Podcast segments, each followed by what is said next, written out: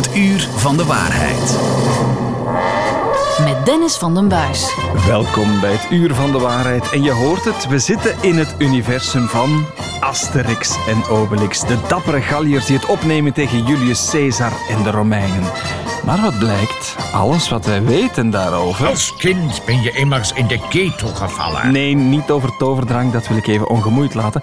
Maar dus alles wat wij weten over Caesar en de... Ik wil everzwijn. Ik hou van everzwijn. Dat is lekker. Nee, ook niet over everzwijnen. Alles wat wij weten over Caesar en de Galliërs en voornamelijk over... Romeinen! Over die Romeinen hangt aan elkaar met haken en ogen en leugens. Hoe dat zit, dat vertel ik je tijdens dit uur van de waarheid. Welkom. Radio 1. Alles begint bij luisteren. Er is een nieuw boek verschenen, Een kleine wereldgeschiedenis in 50 leugens, van de Britse historica Natasha Tidd. En we hebben dat eens laten lezen door Jonas Roelens, historicus aan de UGent, gespecialiseerd trouwens in, en ik zeg het tussen aanhalingstekens, afwijkende seksualiteit tijdens de middeleeuwen. Jonas, een heel goedemorgen. Goedemorgen, Dennis. Ja, wat vond je van het boek? Voor Ik vond het zeer entertainend eigenlijk. Het zijn korte, bevattelijke teksten. Het is eigenlijk een ideaal boek voor op de, het nachtkastje als je nog snel iets wilt lezen, lezen voor het slapen gaan. Al weet ik niet in hoeverre dat je nog vlot de slaap kunt vatten als je ziet hoe we elkaar al eeuwenlang aan het beliegen en bedriegen zijn. Aha, ja, want het is, het is fascinerend. Hè? Eh, laten we misschien met de Romeinen en Caesar en onze streken beginnen. Ik heb een klein stukje mee van hoe het onlangs nog in het verhaal van Vlaanderen aan bod kwam. De Romeinse Senaat die vertrouwde hem niet helemaal. En dus vroegen ze aan keizer om regelmatig verslag uit te brengen. En dat is dit geworden. De Commentari de Bello Gallico. Maar dit zijn dus de verslagen die Julius Keizer elk jaar opnieuw aan de Senaat moest aanleveren. En dat wil dus zeggen dat het verhaal dat we vandaag vertellen eigenlijk verteld wordt door Julius Keizer himself. Maar, leer ik uit dat boek, we kunnen bij dat verslag heel veel vraagtekens zetten. Enorm veel vraagtekens. Het punt is, ja, het is een man die schrijft over zichzelf en dus de redenen aangeeft waarom hij doet wat hij doet. Dus hij gaat sowieso zijn eigen handelingen gaan legitimeren. Hè.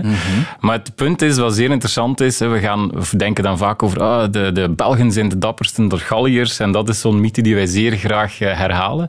Maar dat boek zit boordevol met leugens. En eigenlijk al de aanleiding voor die oorlog in Gallië is al een zeer betwistbare, eh, eh, is al zeer betwistbare beslissing. Want wat is er gebeurd? Keizer is eh, proconsul geworden van Gallië, maar die zit in geldproblemen. Een paar jaar daarvoor heeft hij een enorme lening afgesloten bij een van zijn kompanen om dus hogerop in die politieke ladder te kunnen klimmen. Je hebt steekpenningen nodig en dergelijke meer.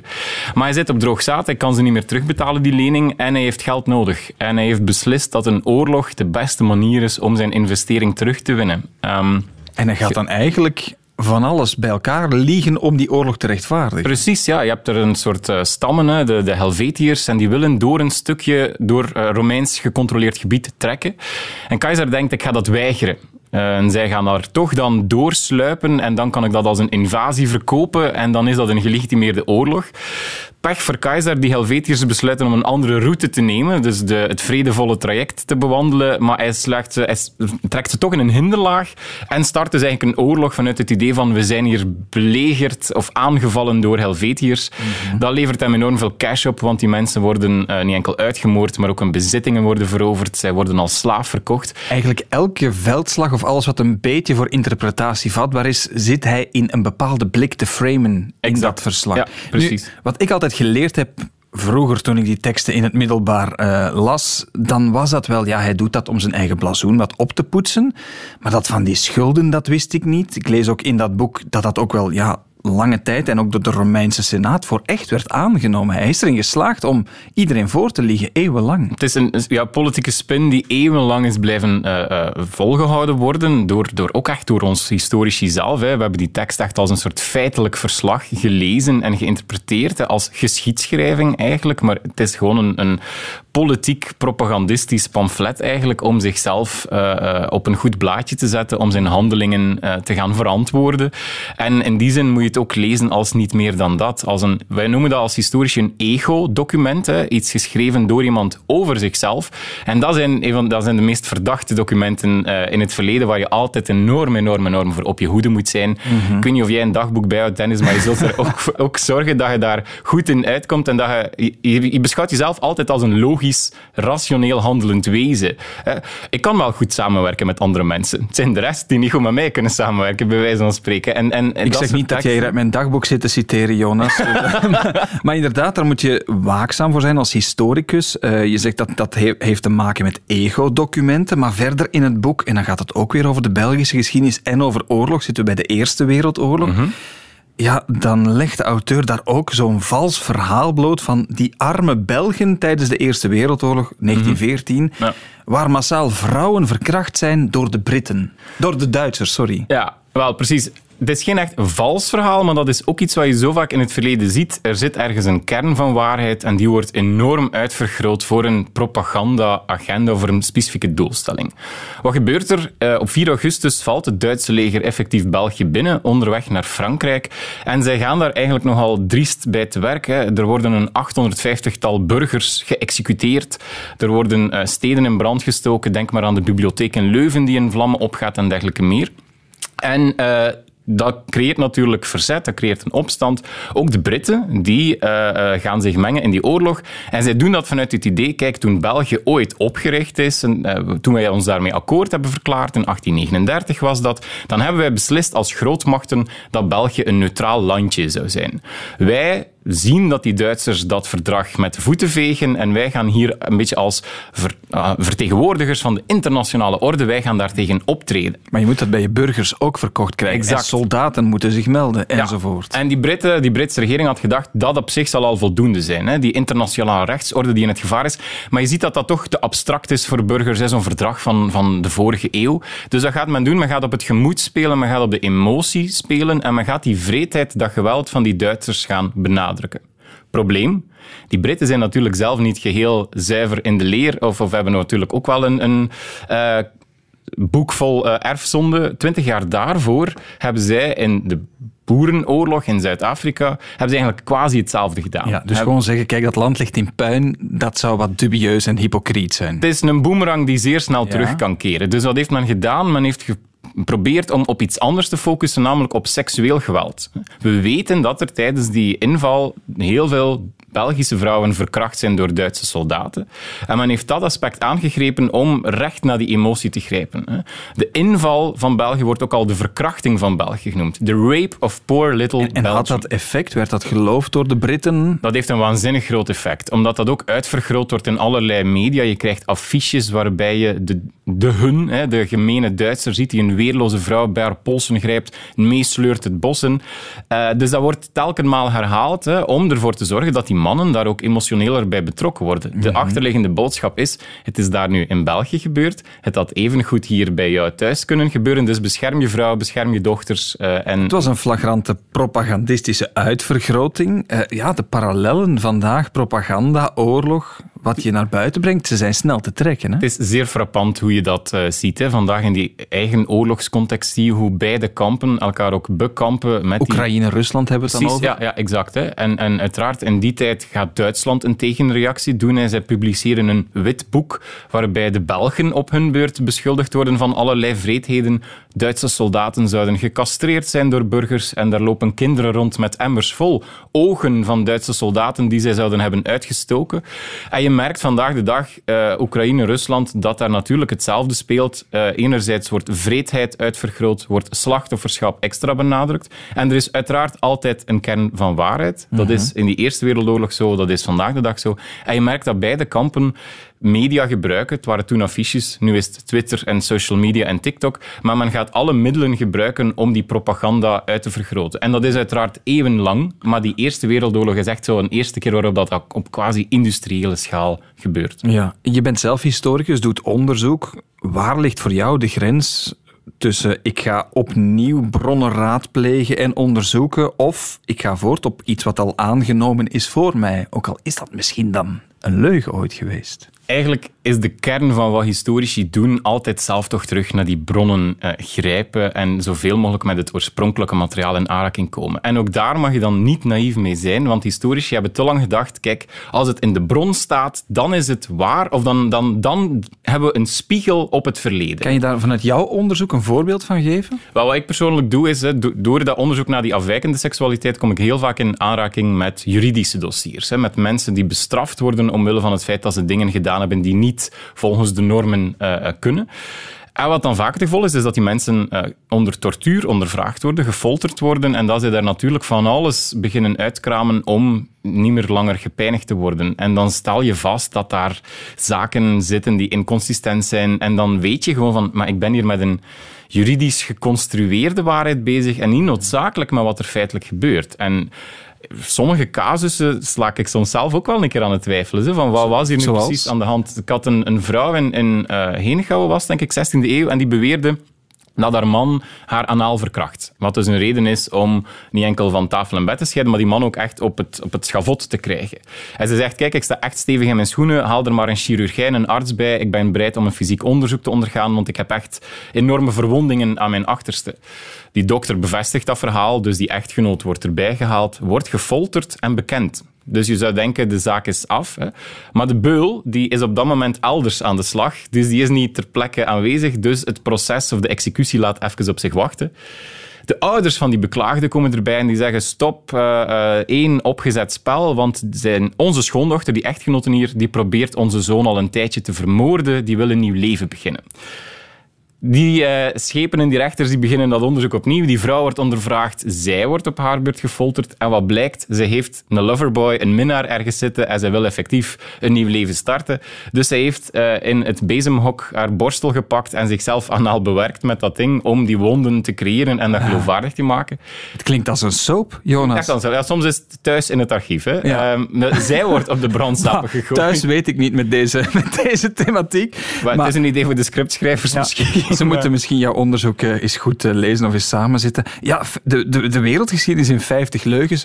Is het echt zo erg? Zijn er zoveel dingen in zijn totaliteit die fout in ons hoofd zitten van grote beelden? Want als je die lijst ziet, we hebben er nog maar twee aangeraakt nu eigenlijk. Ja, het zit vol met iconische gebeurtenissen waarvan je denkt, ah ja, het zit toch anders in mijn hoofd of het is mij anders verteld door een gids of op school of dergelijke meer. En vaak is het veel complexer en merk je dat het zeer eigen is aan die menselijke natuur om te liegen, elkaar de duvel aan te doen en foute informatie te gebruiken om eh, je eigen positie beter te Ja, maken. of dat nu een bezemhok in Henegouwen is of het slagveld tussen Caesar en de Galliërs ruim 2000 jaar geleden. Het boek eh, is geschreven door historica Natasha Titt. Een kleine wereldgeschiedenis in 50 leugens. Voor ons gelezen door Jonas Roeles, historicus aan de UGent. Dankjewel, Jonas. Met veel plezier gedaan.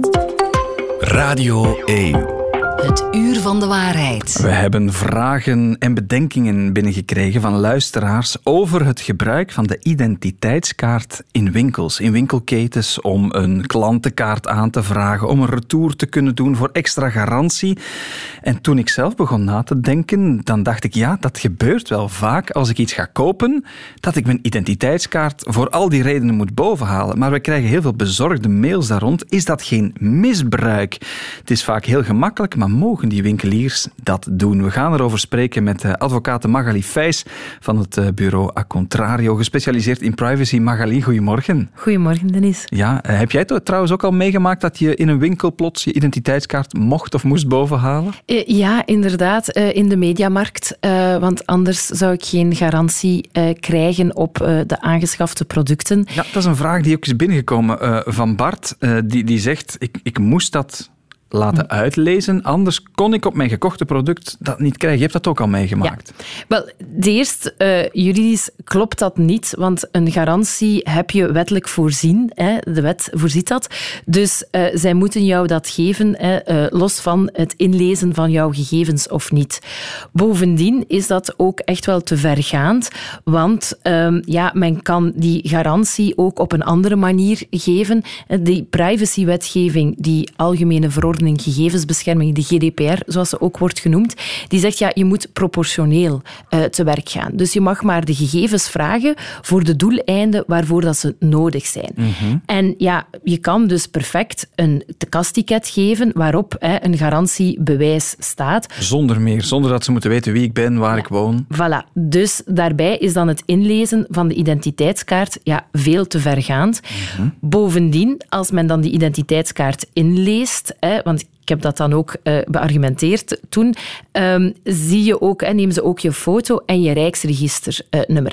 en dat mag absoluut niet. Hè. Ze zouden nog mogen op jouw vrije, uitdrukkelijke toestemming dat kunnen uh, inlezen of gebruiken, maar het Rijksregisternummer en de foto niet. En, en, en hoe weet je dat? Of ze dat doen met die laser in de winkel? Wel, dat is dus ook het probleem. Dat weet je ook niet altijd. Want de technologie van hun lezers, van de lezers moet voldoende zijn om dat effectief, ja, die barcode waar dat je Rijksregisternummer in zit en die foto, niet te gaan inlezen.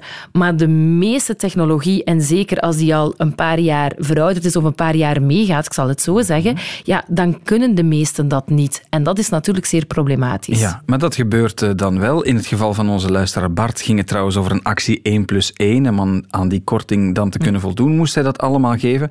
Je hebt het zelf ook meegemaakt. Als je lastig gaat doen in een winkel daarover, mhm ja, dat is lastig. Er staat een kassa achter jou. De drempel ligt hoog, hè? Ja, inderdaad. Ik, ik zeg altijd aan mijn studenten als ik lesgeef, als je mij in de mediamarkt ziet staan, pak dan hè, sowieso de andere kassa. Uh, want het kan wel eens lang duren. Uh, ja, natuurlijk is die drempel hoog.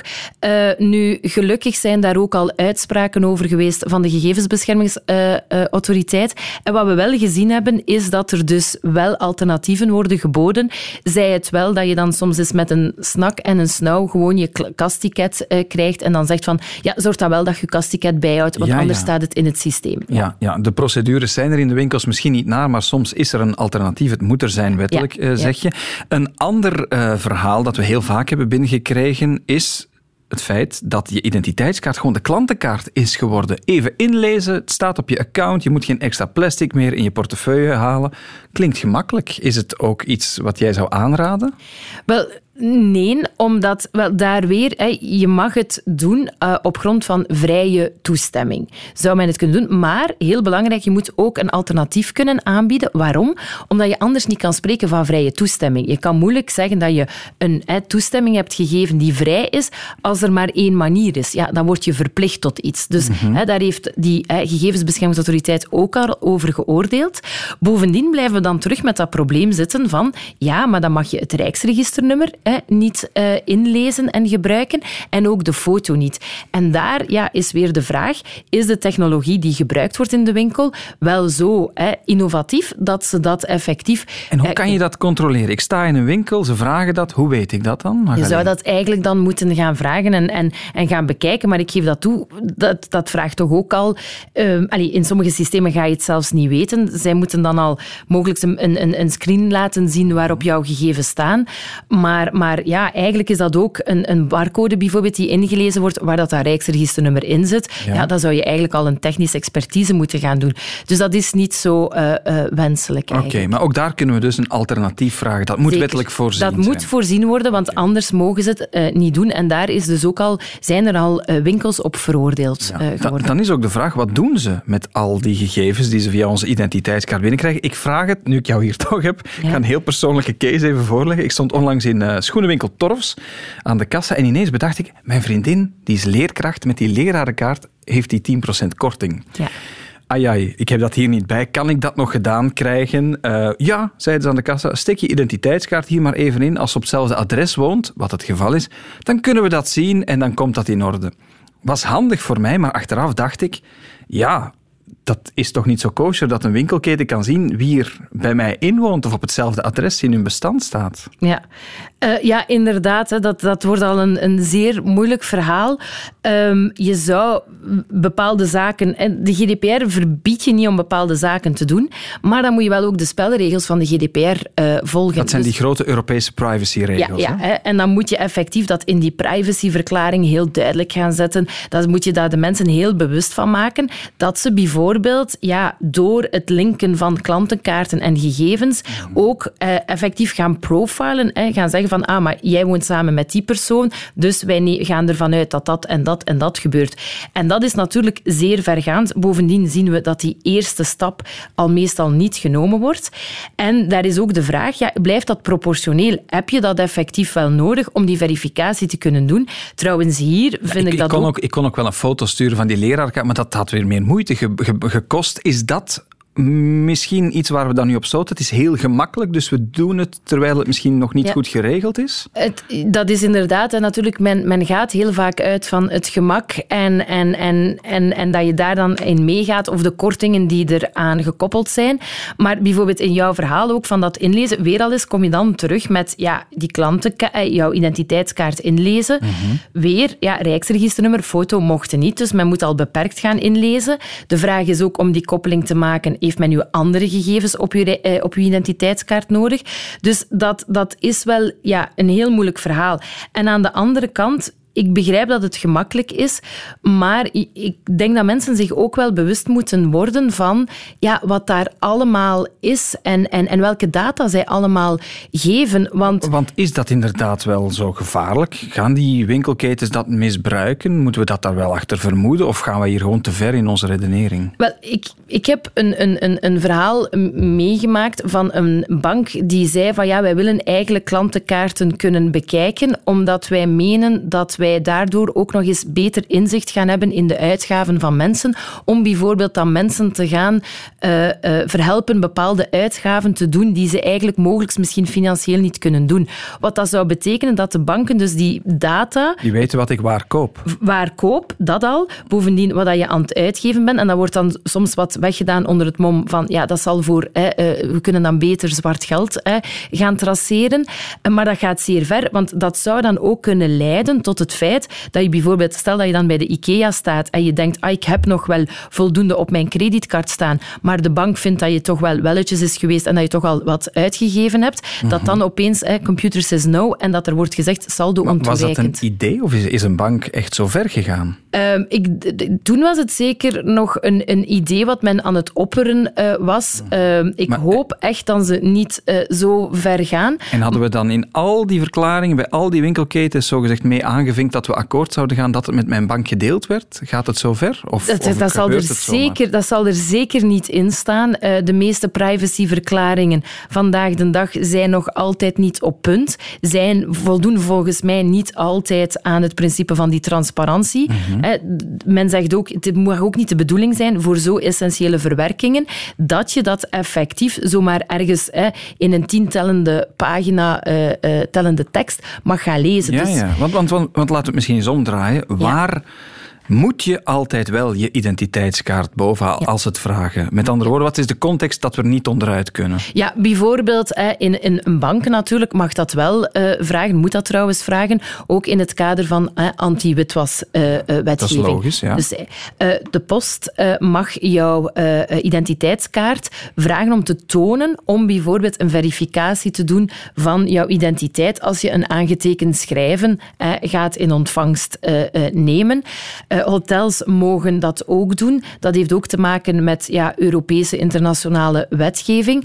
Maar bij velen, nu bijvoorbeeld bij de banken, kan men gerust een, een kopie nemen. Maar vaak wordt er ook al te ver gegaan door een kopie te vragen, terwijl dat in de meeste instanties de wet maar zegt dat het over een verificatie moet gaan en dat dus het tonen van die identiteitsbewijs eigenlijk voldoende zou moeten zijn voor die Dat is verificatie. in een fysieke context makkelijk. Ja. Je laat het zien en je Ja. neemt het weer mee. Eh, we kregen ook eh, verhalen binnen van eh, luisteraars die zeggen ik moest mijn identiteitskaart, een, een kopie daarvan, ook sturen eh, naar TikTok of Facebook als mijn account ooit geblokkeerd was of er waren problemen mee, om dan te bewijzen dat ik het was. Ja. Is dat een slim idee? Wel, dat is een, een het, het wordt vaak geopperd. We zien natuurlijk, bijvoorbeeld, ja, zij moeten natuurlijk bij TikTok en, en Facebook, los van het feit dat ik daar eh, andere bezorgdheden ook heb, eh, maar zij moeten natuurlijk kunnen verifiëren dat jij zegt met je e-mailadres, ja, ik ben bijvoorbeeld eh, Magali Fijs. Want anders zou het heel gemakkelijk zijn als je zo iemand eh, eh, even een grap wil uithalen of een smakelijke grap, ja, kan je wel eh, makkelijk, zou je anders makkelijk eh, accounts kunnen gaan deleten. Dus zij vragen een soort van bewijs waarbij zij inderdaad kunnen overgaan tot wat wij noemen authentificatie, verificatie. Nu, daar heeft de GBA, die Gegevensbeschermingsautoriteit, ook heel duidelijk gezegd, probeer eerst een alternatief dan die identiteitskaart. Dat moet eigenlijk bijna je last resort, hè, je laatste middel zijn als je toch niet anders kan gaan doen. Mhm. En dan is het heel belangrijk om toch tegen de mensen ook te zeggen, ja, maar schrap bijvoorbeeld, vraag enkel maar van de voorkant, haal daar een, je kan daar een aantal zaken doorstrepen die ze niet nodig hebben om je identiteit te gaan uh, uh, uh, verwerken, verifiëren.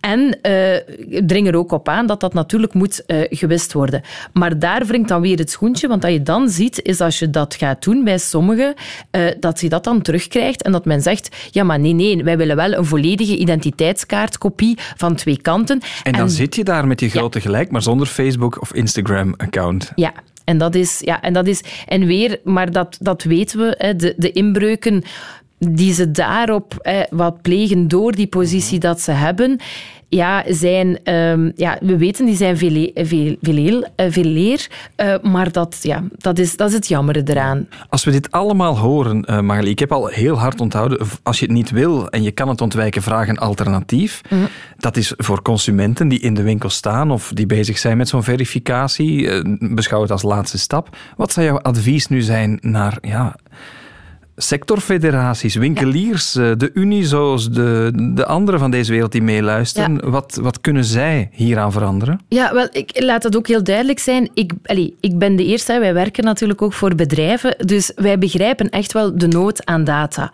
Maar, uh, en dat hebben we ook al gezien, het is ook belangrijk dat je gaat kijken wat heb ik echt nodig. Hè? Bijvoorbeeld als je pakjes moet leveren, ja, dan heb je natuurlijk een adres nodig.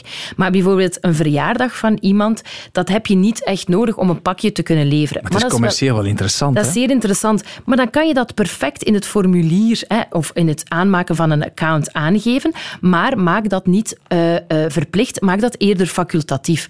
En zo kan je daarin spelen. En wat we dan zien, is dat, uh, en ik mag dat zeggen, VRT met haar cookie banner bijvoorbeeld, is daar ook heel goed in geweest. Als je ziet dat de mensen de keuze hebben, dan creëer je een vertrouwen bij mensen. Want mensen zeggen, die zijn daarmee bezig. Die weten heel duidelijk waarover dat het gaat. En dan ga je zien dat je dat...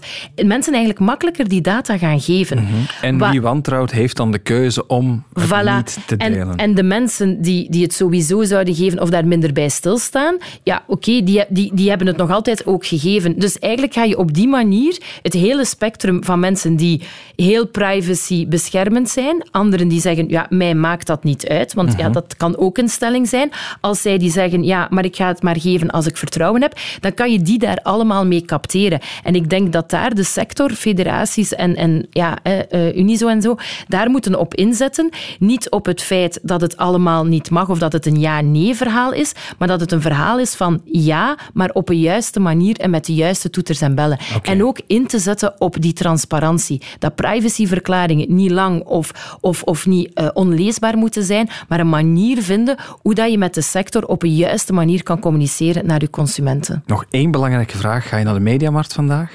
Uh, vandaag niet. Dus uh, de, de mensen kunnen ja, de, de kassa zullen vrij zijn. Goed. Advocaat Magali Vijs, dankjewel voor je komst. Graag gedaan.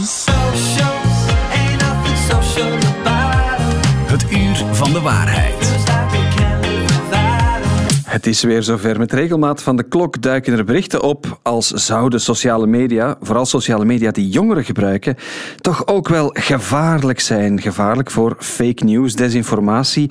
En deze keer gaat het over een Nederlandse Instagram-pagina Semokro. En als je er nog nooit van gehoord hebt, onlangs ging het erover in een talkshow in Nederland en zangeres Steen ja, die was wild enthousiast over die pagina. Ik heb een hele mooie nieuwsbron op Instagram en dat is uh, Sam Mokro. En uh, daar krijg ik het meeste ervan binnen. Uh, en ja, het is ja, heel wie, erg wie is dat? Ja. ja, dat is een heel mooi account. Ik vind dat iedereen dat zou moeten volgen. Daar krijg je gewoon voor... Het is best wel voor jongeren met je. Je krijgt wel heel veel belangrijk nieuws binnen. Dus maar wel hoe, wat hoe, heet, hoe heet hij? Sam Mokro. Zij in het Frans. Mokro. C'est Mokro. C'est Mokro. Je hoort ook Jan-Jaap van der Wal. Populair, maar met een randje. En vooral voor jongeren. Iemand van onze jongere redactie, die bekend is als reporter bij Karwiet, is bij ons Meriem Elmandouri. Meriem, een heel goedemorgen. Goedemorgen. Volg jij dat account ook zelf? Ja, al jaren. Ik haal daar eigenlijk best veel inspiratie uit. Uh, Semokro weet heel goed waar jongeren mee bezig zijn. Hij is zelf we vermoeden dat hij zelf ook een jonge gast is. Ehm, en die post ehm, heel diverse dingen, waardoor ik daar ook wel... En mijn collega's van de jongerenredactie eigenlijk ook. Wij zitten daar af en toe eens op te kijken van hmm, waar zijn die jongeren nu mee bezig?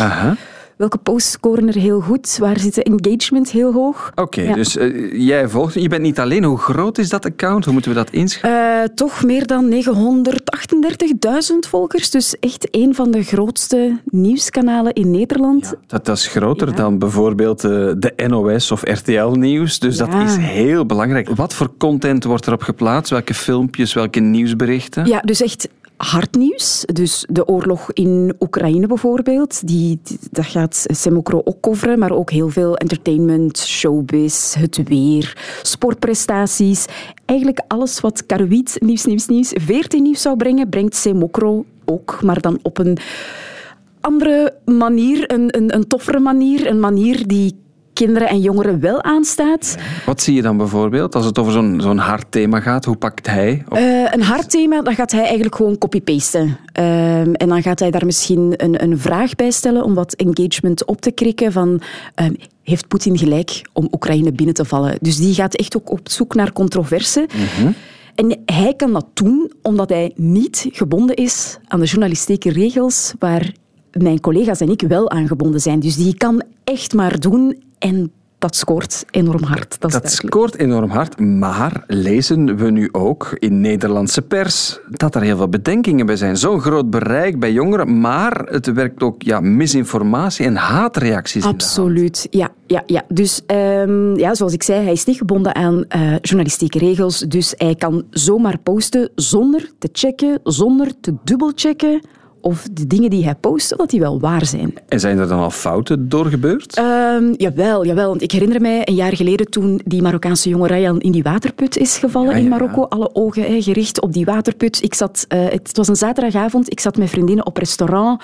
Nieuws, nieuws, nieuws wil dat brengen. Karowiet wil dat brengen. Eigenlijk wil heel de wereld, of bijna heel Europa, wil dat nieuws brengen. Ehm, dat jonge Semokro post ineens, Ryan is gered. Iedereen euforisch. Ehm, en ik stuur al meteen naar mijn chef van, we moeten dat eigenlijk wel brengen. Ehm, en ik ben aan het wachten op de berichten die niet mijn collega's van Nieuws, Nieuws, Nieuws en VRT Nieuws gaan brengen. Maar ja, dat nieuws moet natuurlijk wel gecheckt worden. En we krijgen tien minuten later, na de post van Semokro, Ryan heeft het niet gehaald. Dus op de beelden zie je Ryan wordt uit de waterput gered, maar we zien eigenlijk niet of hij nog leeft. Ehm, en dat is wel een heel grote fout die Semokro heeft gemaakt. Zeker bij zijn aanhang, want iedereen wil echt wel weten, heeft Ryan het gehaald of niet? En blijkt... Dat het niet het geval was. Je zei, we denken dat hij Ja, erachter zit of hij dat doet. Ja. We weten dat eigenlijk niet Nee, dat wie of is, wat het is. Nee, het is, het is eigenlijk een heel groot mysterie. Ehm, op sociale media denken of vermoeden mensen dat het gaat om een, eh, een jonge Marokkaanse Nederlander. Meer- Mokro zou Ja. kunnen wijzen. natuurlijk. ja, het is, eh, een mokro is dus, een- in Nederland zeggen ze dan, een Marokkaan is een mokro, dus het is een Marokkaan. Dat is het enige, de enige lied die we hebben eigenlijk. Ja, en heeft hij er ook baat bij om controverse te veroorzaken? Want dat doet hij wel bijvoorbeeld. Ja, ja, dat Ook doet hij over- zeker, Als het gaat over, over de LGBTQ Ja, ja, ja. gemeenschap. Dus hij is duidelijk niet eh, anti, hij is ook niet eh, pro. Al sinds, dat, weten we, dat weten we niet, wat hij nu is. Eh, maar iedereen mag wel zeggen en denken wat hij daarover denkt en voelt. Dus ehm, als er iets gepost wordt, homohaat, vrouwenhaat, eh Andrew Tate-haat, het kan allemaal, er wordt niet op gemodereerd. Eh, eigenlijk is iedereen daar vrij om te zeggen wat hij ja, wil zeggen of wil denken. Hoe kijk jij naar heel deze heisa? Hij is zo po- populair, nu komen daar bedenkingen bij. Daar komen zeker bedenkingen bij, maar waar ik hoop. Ik hoop dat jongeren vooral beseffen, oké, dit is entertainment en die brengt nieuws op een interessante manier. Eh, op een manier waarop traditionele, hoe traditionele media het eigenlijk niet kunnen doen. Ehm, maar dat ze wel echt moeten oppassen voor misinformatie. Ehm, het, het goede aan, aan Semokro is bijvoorbeeld als hij een post brengt over eh, de Ramadan of het einde van de Ramadan of zo, dan is dat met een toffe video van Real Madridster Karim Benzema bijvoorbeeld. Ehm, die gaat daar toffe quotes bij halen van, van een heel populaire imam. En dat zorgt er wel voor dat bij zijn publiek waar heel veel moslimjongeren bij zitten, of het merendeel moslimjongeren, dat trekt aan. Hè.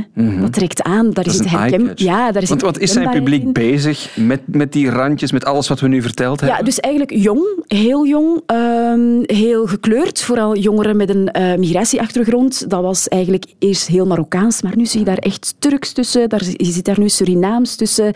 Heel veel Vlaamse Marokkanen. En zijn zij bezig met die misinformatie, alles wat we nu besproken hebben? Ik denk het niet. Ik denk jongeren die Semokro volgen, jongeren die kritisch genoeg zijn, die weten, oké, Semokro, super tof, maar wij moeten wel kritisch zijn. Maar ik denk dat het gevaar daar zit dat jongeren eigenlijk Semokro geloven. En dat is is natuurlijk de meerwaarde van een account zoals Nieuws, Nieuws, Nieuws Ja. voor jongeren. Dat je er wel zeker Ja, kan zijn van ja. de informatie. Absoluut. Maar ja, dat moet ook duidelijk gemaakt worden of doordringen. We hebben misschien een steentje verlegd, ook hier in het uur van de waarheid. Ehm, goed, Semokro, we moeten het misschien ook gaan volgen met al die bedenkingen eh, van die. Meriem, dankjewel voor je komst. Graag gedaan. Het uur van de waarheid. De checkers. Luc van Bakel, goedemorgen. Goedemorgen, Dennis. Ik heb straffe beelden gezien van de voormalige Franse president François Hollande. En ik heb jou nodig om mij te vertellen of het waar is of niet. In die beelden zegt hij dat de oorlog in Oekraïne uitgelokt is door het Westen. Het is een straffe claim. Ja, Luc, wat is er van aan? Wel, eh, waar je het over hebt, is eigenlijk een, een fragment uit een interview, uit een video die werd gepubliceerd op Russia Today. Eh, Dat is een eh, Russisch nieuwskanaal dat bij ons niet meer te volgen is. Maar die uitspraak die is daarna ook wel terechtgekomen op Nederlandstalige complotwebsites en dergelijke. En ja, wat je hoort is Hollande en je hoort die vertellen over de steun van het Westen aan Oekraïne. Maar heeft hij nu echt gezegd dat de oorlog is uitgelokt door het Westen? Dat heeft eh, Nathaniel Haanschoten van Factcheck Vlaanderen uitgezocht. Nee, dat klopt niet. François Hollande is eigenlijk om de tuin geleid met een deepfake. Een deepfake van eh, voormalige Oekraïense president eh, Petro Poroshenko. Twee Russische comedians die hebben hem nagedaan, de stem en het beeld, waardoor François Hollande bepaalde uitspraken heeft gedaan en die volgens uit de context worden gehaald. Ja, dus dit is op de, op de vraag of Frankrijk en de Europese Unie dus deelnemen aan die oorlog, actief deelnemen, antwoordde Hollande weliswaar ja, bevestigend, maar hij benadrukte eh, in de niet geknipte versie, die je ook kan terugvinden van die video, dat ze geen strijdende partij willen zijn, omdat dat namelijk tot een oorlog buiten Oekraïne eh, kan leiden. Dus, maar dat stukje werd er dan weer afgeknipt, waardoor je een hele vertekende boodschap. Handig geframed heeft Hollande die claim gemaakt dat die oorlog in Oekraïne uitgelokt is door het Westen. Dat klopt eh, dus niet. Maar Luc, wat mij is opgevallen, hij is dus om de tuin geleid door een deepfake van een Oekraïense politicus. Die zag eruit als die politicus, die klonk als die politicus. Eh, dat Ja. is toch wel heel opmerkelijk. Dat is zo. Hollande die was dus helemaal in de waan dat hij sprak met de voormalige Oekraïense president. Maar het was een computerbeeld. eh, dat wordt gecreëerd met eh, behulp van artificiële intelligentie. En die twee Russen eh, die dus achter die prankcall of die neptelefoon zaten, die zijn eigenlijk ook niet aan hun proefstuk toe. Die staan ervoor bekend dat ze dat soort eh, praktijken uithalen. Eh, Hollande is ook niet de eerste die daarin trapt. Eh, Justin Trudeau van Canada is er al eens ingetrapt. Boris Johnson van Groot-Brittannië ook. En volgens de Britse krant The Guardian, die heeft er ook al uitgebreid over geschreven, over dat duo, doen die zich dus vaak voor als Russische politici of oppositieleiders, waarbij dan westerse politici graag spreken, of Oekraïense politici. En dat is in deze dus gebeurd. Ja, en heel gevaarlijk gebleken, gezien dan die framing van die uitspraak van Hollande. Deepfake, toch straf dat politici hun collega's dan ook niet herkennen. Eh, ja, maar eh, je moet wel zeggen dat die technologie eigenlijk intussen heel ver gevorderd is. Hè. Die artificiële intelligentie, dat neemt een razende vaart. Eh, dus het wordt ook wel moeilijk om echt van nep te onderscheiden. Al zijn de meeste deepfake filmpjes die, die wij dan, Dennis, als gewone mediagebruikers tegenkomen op sociale media, die zijn dan toch nog eerder van bedenkelijke aard. Ik heb nog een voorbeeldje meegebracht. We're entering an era in which our enemies can make it look like anyone is saying anything at any point in time, even if they would never say those things. Uh, for instance, they could have me say things like, President Trump is a total and complete dipshit. Ja, je hoort de stem van Obama, Obama, heel duidelijk. Maar natuurlijk heeft hij niet echt gezegd... eh, misschien denkt hij dat wel over Trump, maar dat kunnen wij niet eh, checken. Ja, maar eh, je voor zegt, we kunnen het goed herkennen. Als je de beelden ziet, is nog iets anders dan het alleen te horen. Heb je tips? Hoe kunnen we weten, dit is geen echte politicus, maar de deepfake die we zien? Ja, er zijn wel een aantal tips die je kunt volgen. hè. Ten eerste is, wat zie je meestal in zo'n deepfake-video? Dat is een gezicht, iemand, een persoon die iets vertelt. Dus waar moet je dan op letten? Op het gezicht van die mensen. Dat is goed in beeld gebracht. En dan zie je heel vaak met eh, de deepfakes die meestal rondgaan, dat de lippen een beetje waziger in beeld zijn, want die zijn dan Ja, met een computer gemanipuleerd, alles, gemaskeerd. En je ziet ook dat die niet altijd even synchroon bewegen met wat er gezegd wordt. Dat is al een tip eh, waarop je kunt letten. Je kan ook een schermafbeelding nemen, hè, want eh, vaak is dat een, bewerkt filmpje van dat ergens anders voor heeft gediend. En als je dan een, een schermafbeelding uploadt in Google Afbeeldingen, kom je misschien op het originele videofragment. Dezelfde achtergrond en context, kan doen. inderdaad. Ja, absoluut. En er zijn ook wel tools die je kunt gebruiken, al staan die eerlijk gezegd ook nog niet altijd even goed op punt, waarmee je video's kunt controleren. Eh, een voorbeeldje daarvan is de tool Deepware. Daar kan je dan een video in uploaden Mhm. en die probeert dan na te gaan of er mee geknoeid is of niet met dat materiaal. Maar ja, misschien nog het belangrijkste is, als je zo'n video ziet, eh, kan het ook geen kwaad om eens na te denken, is dat iets wat je van die persoon verwacht. Verwacht je bijvoorbeeld van Obama dat hij eh, Trump een idioot noemt? Nee, dat zou, de kans is klein. Ja, ja, Dus ja. als je van die boodschappen krijgt, moet je misschien toch ook eh, een beetje opmerkzaam blijven. Lijkt ver van ons bed, maar verkiezingen op komst bij ons. Politici gaan overal centraal staan. Ook onze leiders, onze premier, krijgt wel eens, kan ik me voorstellen, een ja, internettelefoongesprek binnen met andere leiders. Kan dat bij hen ook gebeuren? Hoe zit dat bij ons allemaal? Ja, hele goede vraag. En het antwoord daarop is: kan dat bij ons gebeuren? Eh, ja, uiteraard, dat kan bij ons gebeuren. Daar is niemand veilig voor. Ik heb ook eens gebeld met het kabinet van de premier. Eh, daar wilden ze eigenlijk liever niet reageren. eh, Maar ze zeiden wel: ja, eigenlijk bestaat daar zo geen beleid voor om dat soort dingen. eh, dat is alle- allemaal zo nieuw. Wat ze wel doen, zeiden ze mij, is van: ja, kijk, als wij een aanvraag krijgen tot een interview, proberen wij met de producers van het programma contact op te nemen. We geven ook niet zo vaak interviews aan journalisten die, we, die niet terug te vinden zijn op het internet. Dus we, we moeten, we moeten ze een beetje kennen. Er wordt ook samengewerkt met de diplomatieke diensten. Maar zo klonk het, ja, helemaal zeker ben je nooit. En om nu te zeggen van, kijk, het kan ons niet overkomen. Nee, eh, zo, die uitspraak willen ze daar ook niet doen. Nee, allemaal na te lezen op thecheckers.be en op onze website van VRT Nieuws. Lukt tot de volgende keer. Tot de volgende. En daarmee zit deze podcast van het Uur van de Waarheid er weer op. Een co-productie van VRT Nieuws en Radio 1. Wil je meer weten over de wonderenwereld van desinformatie, complottheorieën en fake news? Herbeluister dan alle eerdere afleveringen. Dat kan via de app van VRT Max. Tot de volgende.